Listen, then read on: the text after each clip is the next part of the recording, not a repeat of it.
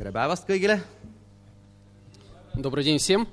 kui te tahate, ma võin teile täna rääkida läbi lillede, Если вы хотите, могу сегодня сквозь цветы или намеками изъясняться. ma lihtsalt ei näe, kui need on siin mul ees. Но, к сожалению, я вас не буду видеть. aga me räägime täna ühtsusest Сегодня мы будем говорить на тему единства. ja koguduse üldse eksisteerimise ja funktsioneerimise koha pealt on ühtsus üks väga-väga oluline asi. Знаете, в жизни церкви единство играет ключевую роль. Mitte väline ühtsus, А не внешнее единство.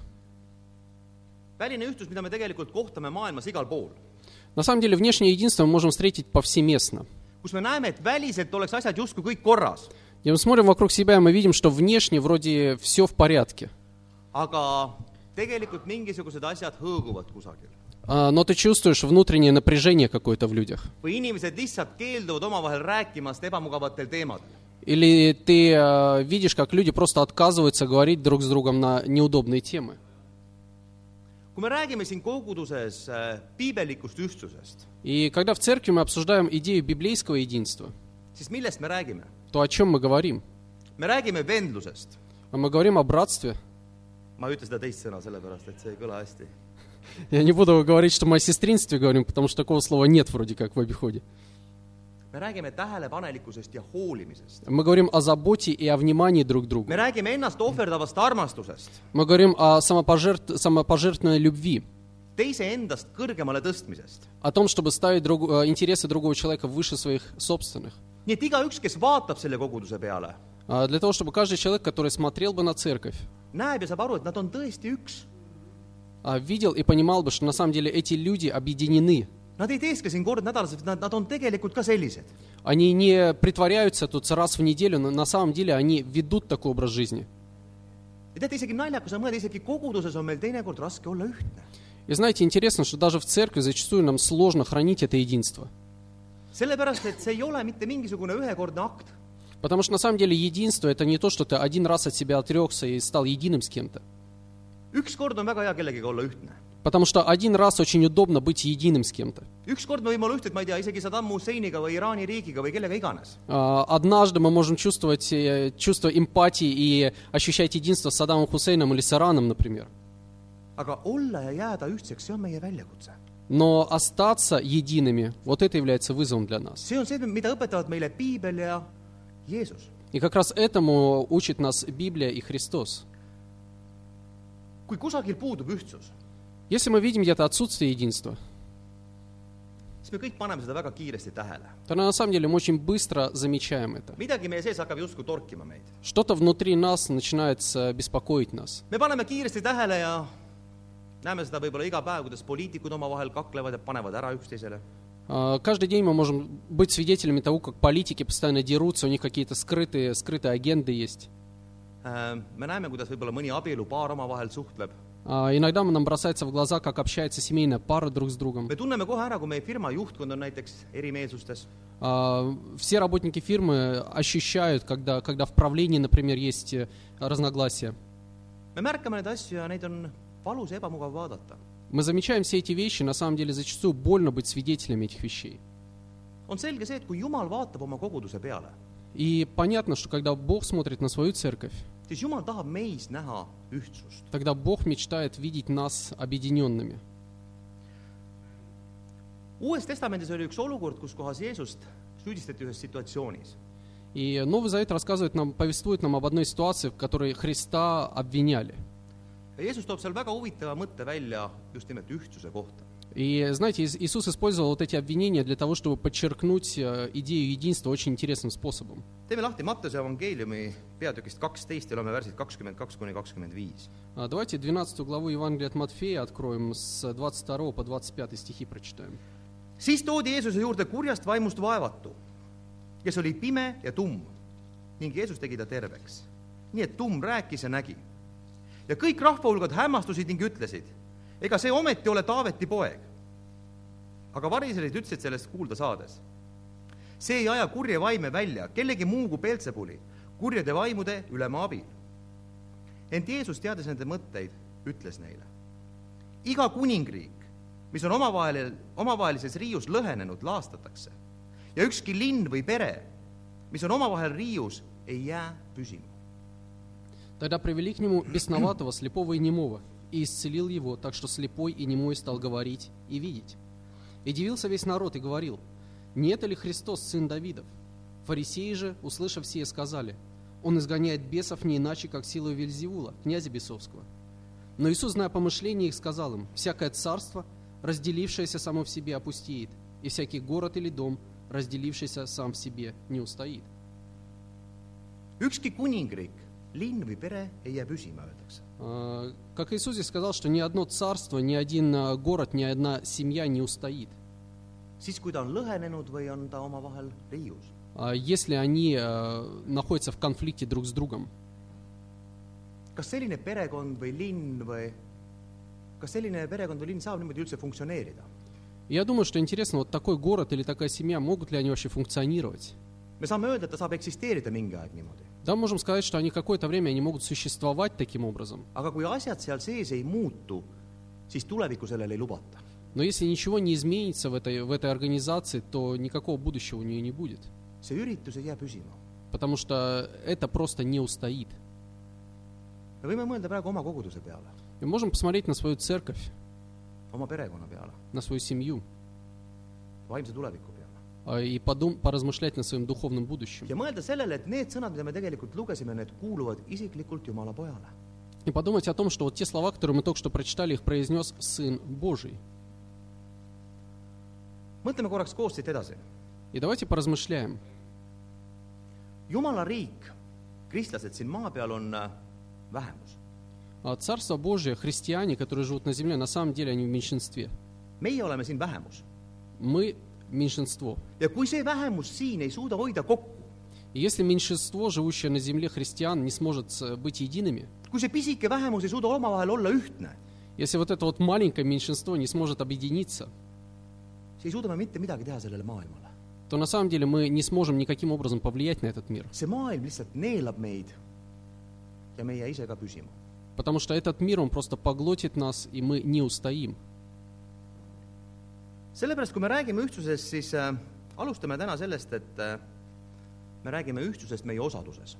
Поэтому, говоря о единстве, я думаю, что давайте сначала сфокусируемся на единстве в, в церкви. mida me mõtleme osaduse all ? И что мы, что мы понимаем под этим единством? me mõtleme oma ühiseid kooskäimisi . А Мы понимаем единство наших совместных встреч. ükskõik , kas see on suures grupis meil või väikeses grupis , on see suur osadus või väike osadus , see on oluline . И неважно, ты, мы говорим о встречах в большой группе или в маленьких группах, на самом деле все имеет значение, все важно. sellepärast, et see osadus on ka meie ühine osadus Jumalaga. Потому что общение подобного рода является также нашим общением с Богом. ma sain siin mõni aasta tagasi kokku ühe oma vana sõbraga А, Недавно я встретился со, со своим старым другом. ja me polnud juba aastaid näinud ja oli vahva näha jälle teineteist. И мы уже долгие годы не встречались, было здорово увидеться вновь. ja see sõber oli või ta on professionaalne muusik. И мой друг, он является профессиональным музыкантом. ja sõber hakkas mulle rääkima, et tead, et ma olen siin vahepeal perega Soome kolinud, И он мне начал рассказывать, знаешь, я тут с семьей переехал в Финляндию, ma töötan seal kogudusele э, я там работаю на церковь, ja vastutan selles koguduses muusika eest. и в церкви я отвечаю за музыкальное служение. mina mõtlesin, et vaata kui vahva. Я подумал, что, ну, классно же. me põhimõtteliselt ajame ju ühte ja sama asja. В общем-то, мы за одно и то же дело боремся. ma küsisin edasi , et aga kus kohas see kogudus täpsemalt asub ?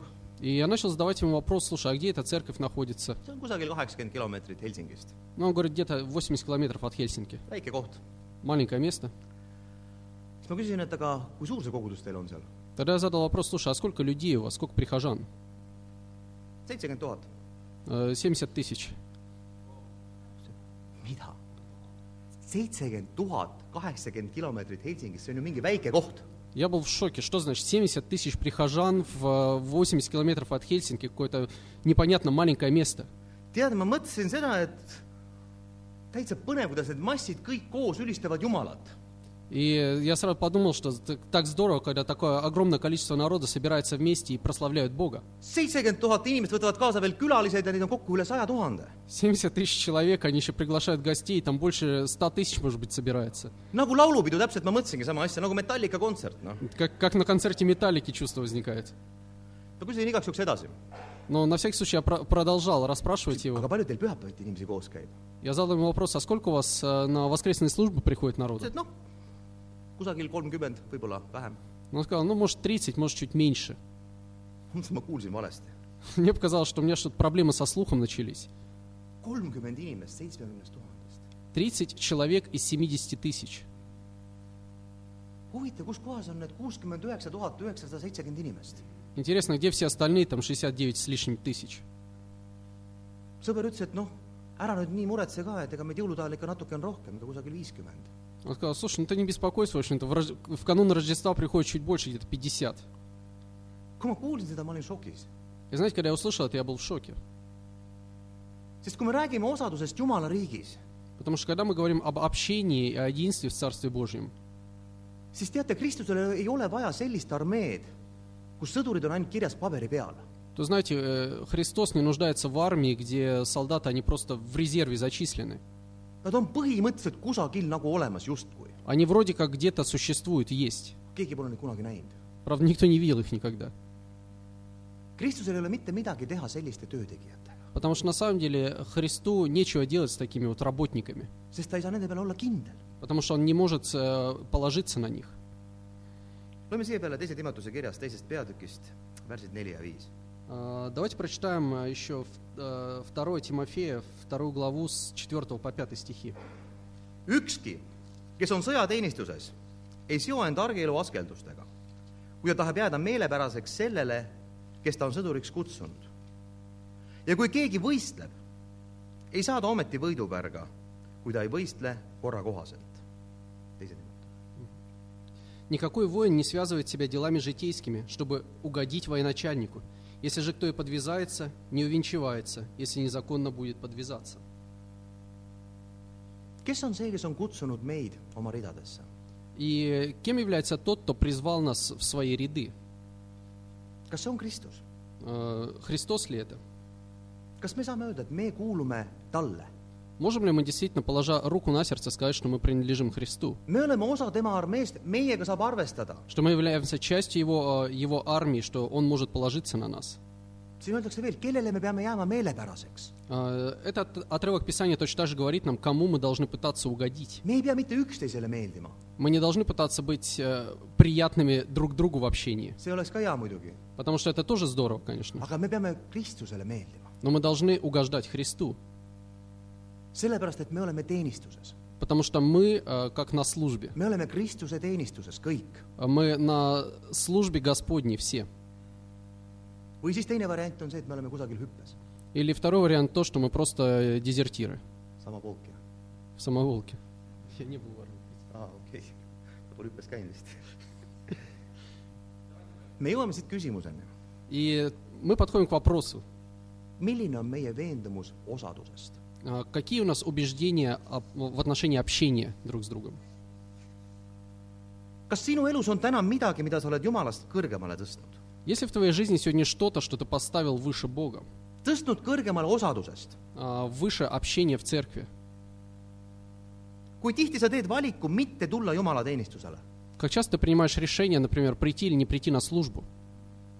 teate, need on küsimused, mida me igaüks peame iseendale esitama И знаете, это вопрос, который каждый должен сам себе задать ja oma naabrile и своему соседу, ja sellele liikmele, keda täna siin ei ole. и, может быть, тому человеку, которого сегодня нет здесь. teate, kui sageli ma kuulen koguduses lauset, et äh, kuule, mind järgmine pühapäev ei ole. И знаете, как часто я слышу фразу в церкви, что, слушай, нас в следующее воскресенье меня не будет. mul on see või teine asi parasjagu käsil. Э, знаешь, я занят этим, этим и этим. ma ei tule. Я не приду.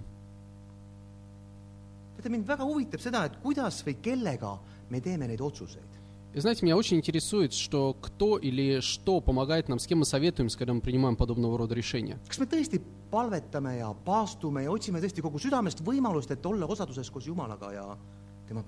Действительно, мы можем сказать с уверенностью, что мы молились и постились и искали все возможности, чтобы быть э, в общении с церковью.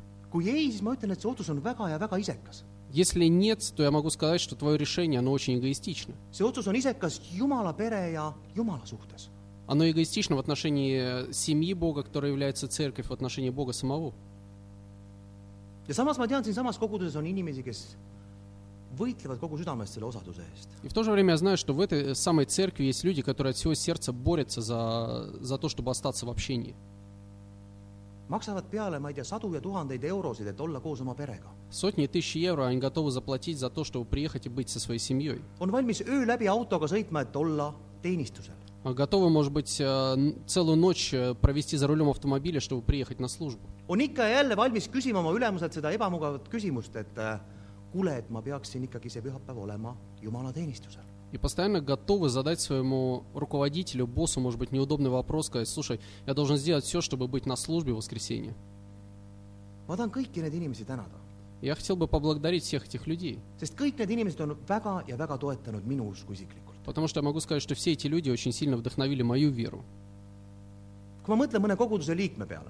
И знаете, когда думаю, например, о каком-нибудь э, прихожанине, члене церкви, о Силе, например, inimene, kes käib üheksakümne kilomeetri kauguselt kaks korda nädalas meie teenistustel. человек, который приезжает за 90 километров два раза в неделю на службы. kui ma mõtlen Janeki peale, Если я думаю о Яныке, meil oli kolmapäeval ühine ülistusteenistus, э, в среду у нас была служба совместная, väga vahva aeg oli, классное время. pärast teenistust tuleb Janek minu juurde , ütleb , et kuule , et tead , ma , ma pean veel pärast teenistust sõitma Kiviõli lapsed sinna ära viima ja tagasi sõitma . И после службы Янок подошел ко мне и сказал, слушай, я сейчас еще должен в Кивили смотаться, отвезти туда детей и вернуться. ma lihtsalt imetlen seda veendumust , et tal oli veendumus olla koos perega see aeg . И знаете, меня вдохновляет на самом деле его убеждение, что он хотел быть вместе со своей духовной семьей. sellepärast , et ta oleks võinud juba kell viis õhtul öelda , et kuule , et täna on pikk päev ja mul on seal kolmsada kilomeetrit vaja autoga veel sõita , et ma , ma lähen käin ikka koosoleku ajal ära seal . Потому что уже в 5 часов вечера мог сказать себе, слушай, ну длинный день был, у меня еще, мне нужно 300 километров туда-обратно проехаться, и я в 5 часов уже начну ехать. И знаете, могу сказать, что Бог ценит подобного рода решения. Потому что когда мы изучаем, если мы изучаем Библию, то мы видим, что Бог сам создал это общение. veendumus osaduseks peab tulema meil piiblist ja Jumalalt. И знаете, убеждения о необходимости общения должны происходить из, проистекать из Библии. kõige vähem , mida ma tahaks , on see , et äh, keegi hakkab ennast praegu süüdi tundma ja ütleb , et näed , pühapäev räägiti . А меньше всего я хотел бы, чтобы кто-то почувствовал себя виноватым и с чувства вины начал бы что-то делать. pooled teevad silmad maha , mõtleb , et keegi on neile minu kohta ette kandnud siin midagi . И половина, может быть, опустит глаза и скажет, ну опять там кто-то доложил ему обо мне. kui me teeme asju inimeste pärast , siis teate , see ei ole eesmärk omaette . И знаете, если мы делаем что-то ради людей, то это не является целью само по себе. Я просто приду, чтобы никто не обиделся. Если в следующее воскресенье кто-то будет шутить со сцены над такими людьми, что чтобы обо мне не шутили так. Но давайте про- просто будем искать убеждение в сердце, что, чего Бог хочет от нас. Я прочитаю вам два места Писания. Heblaste kolmteist kuusteist ütleb . А, Евреям 13, 16. ärge unustage teha head ja pidada osadust , sest sellistest ohvritest on Jumalal hea meel . Не забывайте также благотворения и общительности, ибо таковые жертвы благоугодны Богу. Jumalal on osadusest hea meel , Jumalal . А общительность, э, которая благоугодна Богу. esimese Johannese üks seitse . А, 1 Иоанна 1, 7. aga kui me käime valguses , nõnda nagu tema on valguses , siis on meil osadus omavahel . ning Jeesuse , tema poja veri puhastab meid kogu patust . Если же ходим во свете, подобно как Он во свете, то имеем общение друг с другом, и кровь Иисуса Христа, Сына Его, очищает нас от всякого греха. piibel ütleb , et kui me käime valguses , siis on meil ka osadus omavahel . И Библия говорит, что если мы ходим во свете, то у нас есть также общение, мы пребываем в общении друг с другом. Lähme edasi . Пойдем дальше. ühtsus meie pühendumises on järgmine asi . А, Следующая тема – это м, единство в нашей посвященности. kui me saame aru osaduse olu- olulisusest , Если мы понимаем, насколько важно общение, siis võtame siit väike sammukese edasi ja räägime selle osaduse kvaliteedist . то давайте будем говорить также и о качестве этого общения.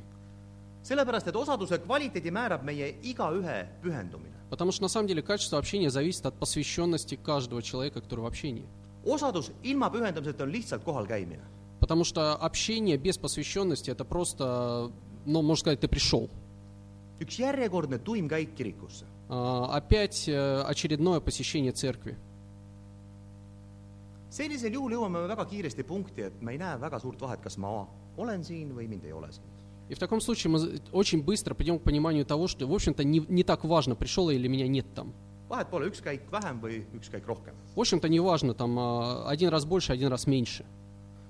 teate , kunagi nooremana ma olin ühe koguduse liige , И знаете, когда я был моложе, то я был членом одной церкви. mitte selle koguduse siin , Не, не этой церкви. mul on hea meel , et ma saan juba öelda , et noorena kunagi , Мне приятно уже говорить, что когда я был молод, aga sellel kogudusel ei olnud ootust oma liikmetele ei osaduse ega pühendumise koha pealt . Но знаете, я могу сказать, что у той церкви не было ожиданий в отношении своих прихожан, как, как в отношении единства, так в отношении общения. iga koguduse liige tegi niimoodi, nagu ta pidas õigeks ja nii, nagu ta tundis, et nii peab. И каждый член церкви был волен поступать так, как ему казалось правильно, как он чувствовал себя хорошо. ja teate, ma ütlen, kui ma hakkasin seal koguduses käima, siis äh, ma olin alguses väga innukas käia. И знаете, я могу честно сказать, что когда я начал посещать службы той церкви, то вначале меня все интересовало и вдохновляло. Ja mind tõmbas kohe sinna. И меня привлекали эти богослужения. aga mingi aja pärast ma, ma ei viitsinud enam käia seal. Но спустя какое-то время я чувствовал, что ну не хочется уже ma olen больше. kõike seda kuulnud ja seda näinud, eks, ühesõnaga see asi on mul ju selge, et kui ma käin ka kord kuus kirikus, isegi see peaks olema okei okay, ju. Я, в общем-то, все это слышал, видел уже, если я один раз в церковь даже приду, то уже будет нормально для напоминания. ja ma lasin kõik need mõtted peast läbi, mida me ilmselt kõik oleme ka siin mõelnud, et noh, pühapäev on ju ainukene vaba päev ja ma pean ju enda peale ka mõtlema, mul on pere ja И у меня постоянно меня посещали мысли, которые, я думаю, посещают большинство из сидящих в этом зале, что воскресенье единственный свободный день, у меня семья также, я думал, должен как-то отдохнуть. aga kuna ma olen niisugune spordimees, siis ma ei tahtnud nii kergelt alla anda. Но знаете, поскольку я спортсмен, то мне не хотелось просто так взять и сдаться на полпути. niisama ma ei jäta seda. А, Я понял, что просто так я это не брошу. ja ma hakkasin kirikus käima tahtejõuga. Я начал, я собрал волю в кулак и начал ходить э, усилием воли в церковь. täpselt nii, nagu füüsilisel treeningul. Точно так же, как я посещаю тренировки. täpselt nii, nagu mingit asja, mida sa pead tegema. Точно так же, как ты делаешь какие-то вещи, которые ты знаешь, что просто должен это сделать. kuniks До момента. Eesti Televisioon tuli mulle appi. До момента, пока, пока эстонское телевидение не пришло мне на помощь. Eesti, Eesti Televisioon tuli mulle appi ja pakkus mulle niisugust väga meeldivat ja mõnusat kompromissivõimalust. Эстонское телевидение пришло мне на помощь и предложило мне компромисс. samal ajal , kui meil oli jumalateenistus kirikus , А В то время, когда у нас была служба в церкви, pühapäeva hommikul kell kümme null null , а, в воскресенье в 10.00 утра, kuhu mul tuli sõita rongiga üle tunni aja , а, на которую я должен был ехать на поезде бо- больше часа, kus kohas teenistus oli ligi kolm tundi pikk , а, и сама служба занимала три часа времени, tuli ETV-st Ameerika pastori äh, Ben Haydeni telejutlus . А, ЭТВ начал транслировать, а, нач- начали транслировать проповеди а- американского пастора. mõtle, А, Подумай, jutlus sinu oma kodus, ты можешь сидеть дома в удобном кресле и слушать проповедь. nelikümmend, nelikümmend viis minutit ja valmis. 40-45 минут, и ты уже готов. istud seal pühaliku näoga seal ja võtad kõik omaks. Э, Просто сидеть перед телевизором с таким скромным лицом, кивать и все, все принимать, все вызовы. И знаете, я, я с удовольствием оставался дома. А, Я чувствовал, что я никого не подвожу даже этим. Потому что, в общем-то, ничего неправильно, ничего плохого я не делаю. Это просто благословение и технический прогресс, когда, когда проповедь достигает меня просто дома. Ты можешь просто взять попкорн и чувствовать себя большим человеком. teate, asi ei olnud niivõrd isegi selles koguduses, kus ma käisin. И знаете, на самом деле проблема заключалась даже не в церкви, в которую я ходил. see asi oli minus, minu südames ja minu mugandumises. Я понимаю, что на самом деле вся проблема заключалась в моем сердце и в моем э, стремлении к удобной жизни. ma ei olnud pühendunud Я не был посвящен. ega saanud aru isiklikult Jumala ootustest enda suhtes. Я не понимал, чего Бог ожидает от меня лично. sellepärast, et piibel õpetab, et iga koguduse liige peab andma endast parima. Потому что Библия говорит, что каждый член церкви, он должен отдавать, прикладывать максимум усилий к строительству церкви, для того, чтобы, чтобы привести в жизнь э, цели Христа. ilma eesmärgita kusagil käimine teeb üldse selle käimise ju küsitavaks meie jaoks. Потому что если ты ходишь куда-то, у тебя нет никакой цели в этом хождении, хождении, то на самом деле вся польза от этого прихода нулю равна. me ei näe selles kohustuses oma osa. Мы не видим, какая наша роль в этом общении. teate, vahest on nii vahva, kui keegi kutsub sind enda juurde sööma. Знаете, иногда так здорово, когда ты прила- при- получаешь приглашение от кого-то посетить его и покушать с ним вместе дома. kutsub sind sööma, laud on ilusti kaetud, seal on pudel veini ja küünal ka peal. Он приглашает тебя домой, там стол ломится от угощений, там и вино, и, и свеча еще горит. nii tuled sinna uksest sisse, käed taskus, vaatad, noh, mis siis meile täna pakutakse siin. Ну, заходишь, там руки в карманах и смотришь, там, ну что, чем меня сегодня удивят. Немножко здесь попробуешь, от этого немножко попробуешь. А, Потом идешь к себе домой, благодаришь хозяев, и потом дома обсуждаешь с женой, что, что они могли лучше сделать. Потому что в следующий раз можно было бы две свечи зажечь, потому что иначе темно было немножко за столом. И я не знаю, мне, в общем-то, сыр с плесенью особо не нравится. saate aru, mida ma mõtlen praegu? Но вы понимаете, о чем я говорю сейчас. me vaatame asju hoopis teise pilguga, kui me oleme ise need kokad. Но знаете, на самом деле наша перспектива изменяется, когда мы сами готовили этот ужин. kui me ise võõrustame ja kui me ise vastutame. Когда мы сами приглашаем людей к себе в гости на ужин, и мы сами отвечаем за этот ужин. kui sa oled selle koguduse liige siin, Если ты являешься членом церкви здесь, sa pead väga tõsiselt mõtlema , то ты должен очень серьезно задать себе вопрос. kas sa oled siin kui võõrustaja Являешься ли ты здесь тем, кто организует этот с- обед или ужин? või sa käid siin nagu külaline . Или ты приходишь сюда как гость? öelge , kas teist keegi on kunagi jumalateenistusel maganud ? Я не знаю, засыпал ли кто- кто-нибудь из вас на богослужениях? ma pean saladuskattele ütlema , et kui ma siin eest vahest kõnelen , siis ma ikka näen , kuidas mõne inimese niimoodi pea käib järsku , siis on kohe niimoodi valvas jälle . Я могу под покровом тайны сказать, что зачастую, когда ты стоишь на сцене и проповедуешь, что ты замечаешь, как человек иногда Ну, у него выбрали. голова падает, сразу он вскакивает.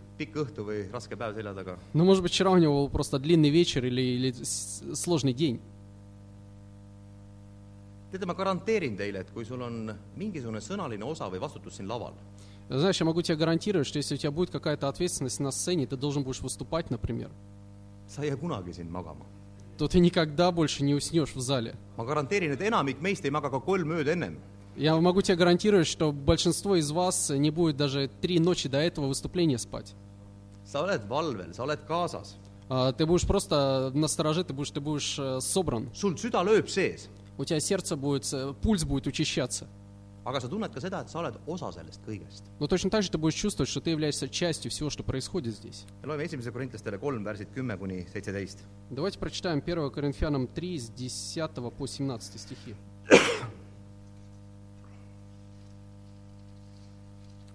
mulle antud Jumala armu järgi olen ma kui tark hooneehitaja rajanud aluse , aga teine ehitab sellele . igaüks vaadaku siis , kuidas ta ehitab . jah , teist alust ei saa keegi rajada selle kõrvale, mis on juba olemas. see on Jeesus Kristus. kas keegi ehitab sellele alusele hoone kullast, hõbedast, kalliskividest, puudest, heintest või õlgedest? kord saab igaühe töö avalikuks. issanda päev teeb selle teatavaks, sest see ilmub tules ja tuli katsub läbi igaühe töö, missugune see on. kui kellegi töö, mis ta on ehitanud, jääb püsima, siis ta saab palga. kui kellegi töö põleb ära, siis ta saab kahju , aga ta ise päästetakse otse kui läbi tule . eks te tea , et te olete Jumala tempel ja teie sees elab Jumala vaim .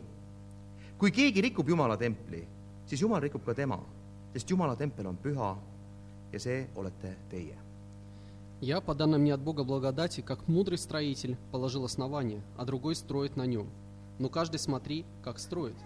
Ибо никто не может положить другого основания, кроме положенного, которое есть Иисус Христос. Строит ли, строит ли кто на этом основании из золота, серебра, драгоценных камней, дерева, сена, соломы? Каждого дела обнаружится. Ибо день покажет, потому что в огне открывается, и огонь испытает дело каждого, каково оно есть. У кого дело, которое он строил, устоит, тот получит награду, а у кого дело сгорит, тот потерпит урон. Впрочем, сам спасется, но так, как бы из огня. Разве не знаете вы, что вы храм Божий, и Дух Божий живет в вас? Если кто разорит храм Божий, того покарает Бог, ибо храм Божий свят, а этот храм вы. siin on mitu asja koos. Знаете, здесь очень много разных э, э, мыслей. kõigepealt kümnendas värsis ütleb Paulus, et igaüks meist vaadaku, kuidas ta ehitab, igaüks. Э, В десятом стихе, прежде всего, Павел говорит, что каждый, каждый должен обращать внимание на то, как он строит.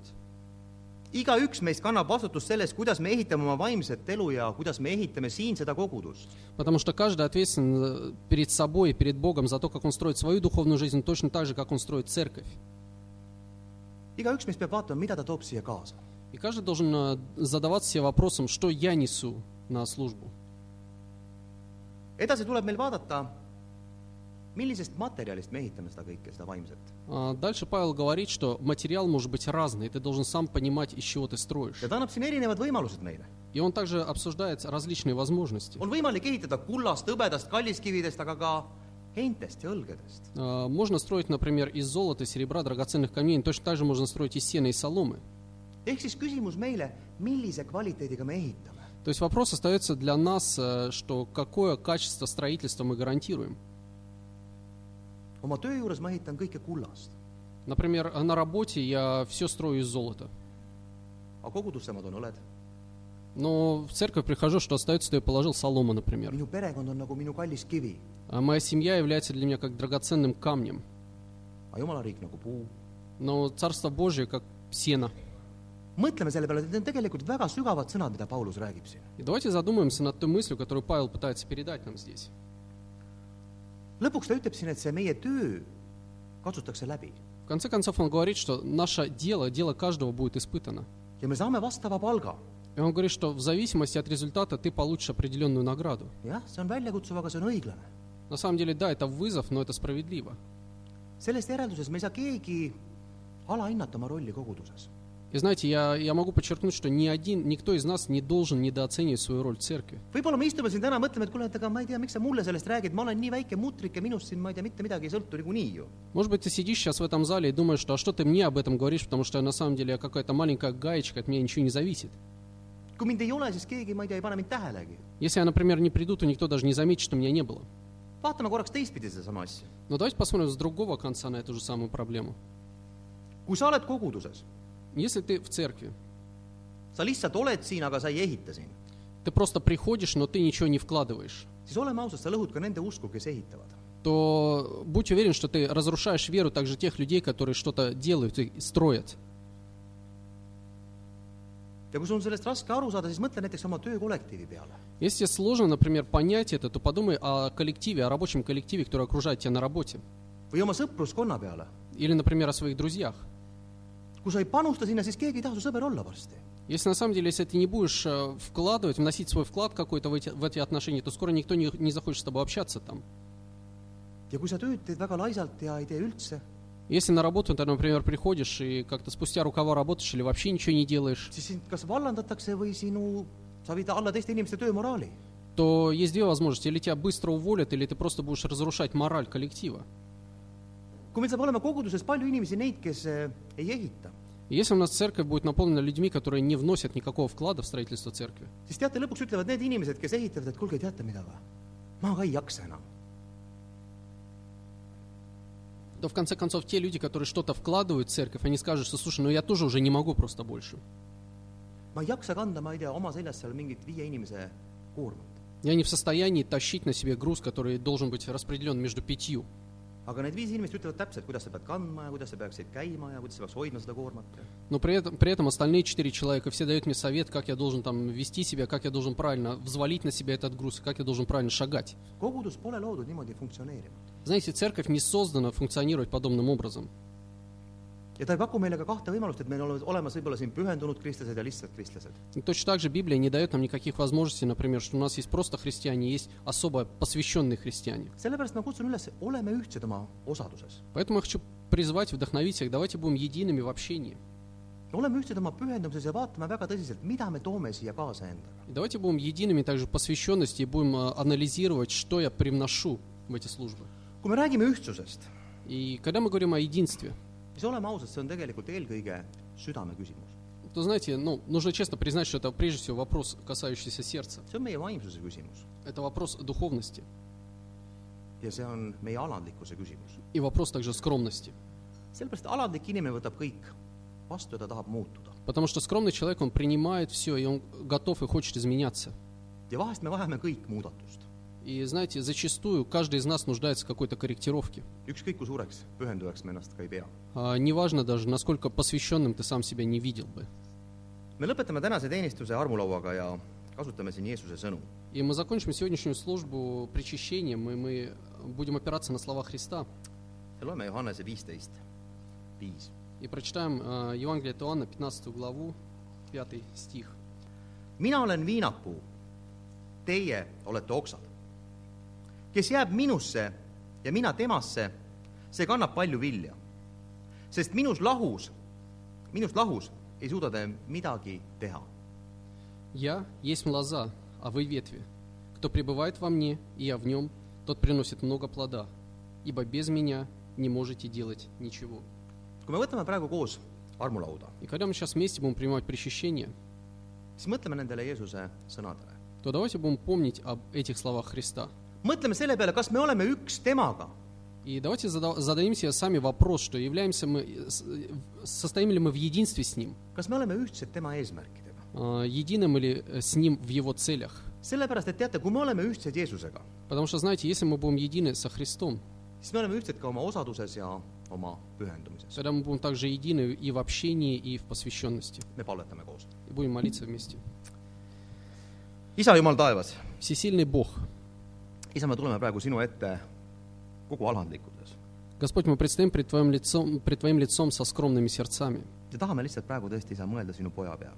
И мы хотим сейчас э, размышлять о Твоем Сыне. isa, mõelda tõesti selle peale, et tema on viinapuu ja meie oleme oksad. И думать о том, что Он является виноградной лозой, а мы являемся ветвями. isa, me tahame olla tõesti alandlikud ja mitte teha mitte midagi lahus temast. Господь, мы действительно хотим э, иметь скромное отношение и ничего не делать в отрыве от Него. Isa, me lihtsalt palvetame praegu ühtsuse eest siinsamas koguduses. Господь, мы молим Тебя за единство в этой церкви. palvetame sellest, et sa oleksid praegu kõikide nende inimestega, kes ei saa siin olla. И молим Тебя о том, чтобы Ты поддержал бы всех людей, которые не могут сегодня быть здесь. sa ole palun tõesti nendega, kes on haiged või kelle lapsed on haiged Пожалуйста, будь с теми людьми, которые сейчас сами больны или которых э, больны дети, või kes teenivad meid lasteteenistuses üleval. или которые наверху служат в детском царстве. Isa, ole palun tõesti nende inimestega, kes peavad väga tõsiselt üle vaatama oma osaduse. Господь, будь, пожалуйста, сердцами тех людей, которые должны серьезно переоценить свое общение. ja isa, ma väga palvetan nad, et nad ei vaataks inimeste sõnade või inimlike ootuste peale, vaid vaataksid sinu peale. И, Господь, я молюсь о том, чтобы они не смотрели на людей, на ожидания людей вокруг них, но смотрели бы на Тебя. ja isa, et me kõik saaksime aru, et sina oled tõesti see, kes on kutsunud meid oma teenistusse. Я молюсь о том, чтобы каждый из нас осознал бы, что Ты призвал каждого из нас в свое служение. Isa, ma väga palvetan ka meie pühendumise eest, И я молюсь Тебе также за нашу посвященность, et me oleksime ühtsed Jeesuse eesmärkidega. чтобы мы были бы едиными в э, целях Христа, et me lihtsalt ei käiks siin koguduses kuulamas ja mingit head emotsiooni ammutamas, чтобы мы не просто приходили сюда слушать или, или почерпывать какие-то хорошие эмоции, vaid oleksime tõesti pühendunud sinule ja et sa saaksid meiega tõesti arvestada. но были бы посвященными Тебе, и чтобы Ты мог действительно положиться на нас. me täname sind kõigest ja me palvetame su kalli poja Jeesuse nimel, amen. Мы благодарим Тебя за все и молимся Тебя во имя Сына Твоего Иисуса Христа. Аминь.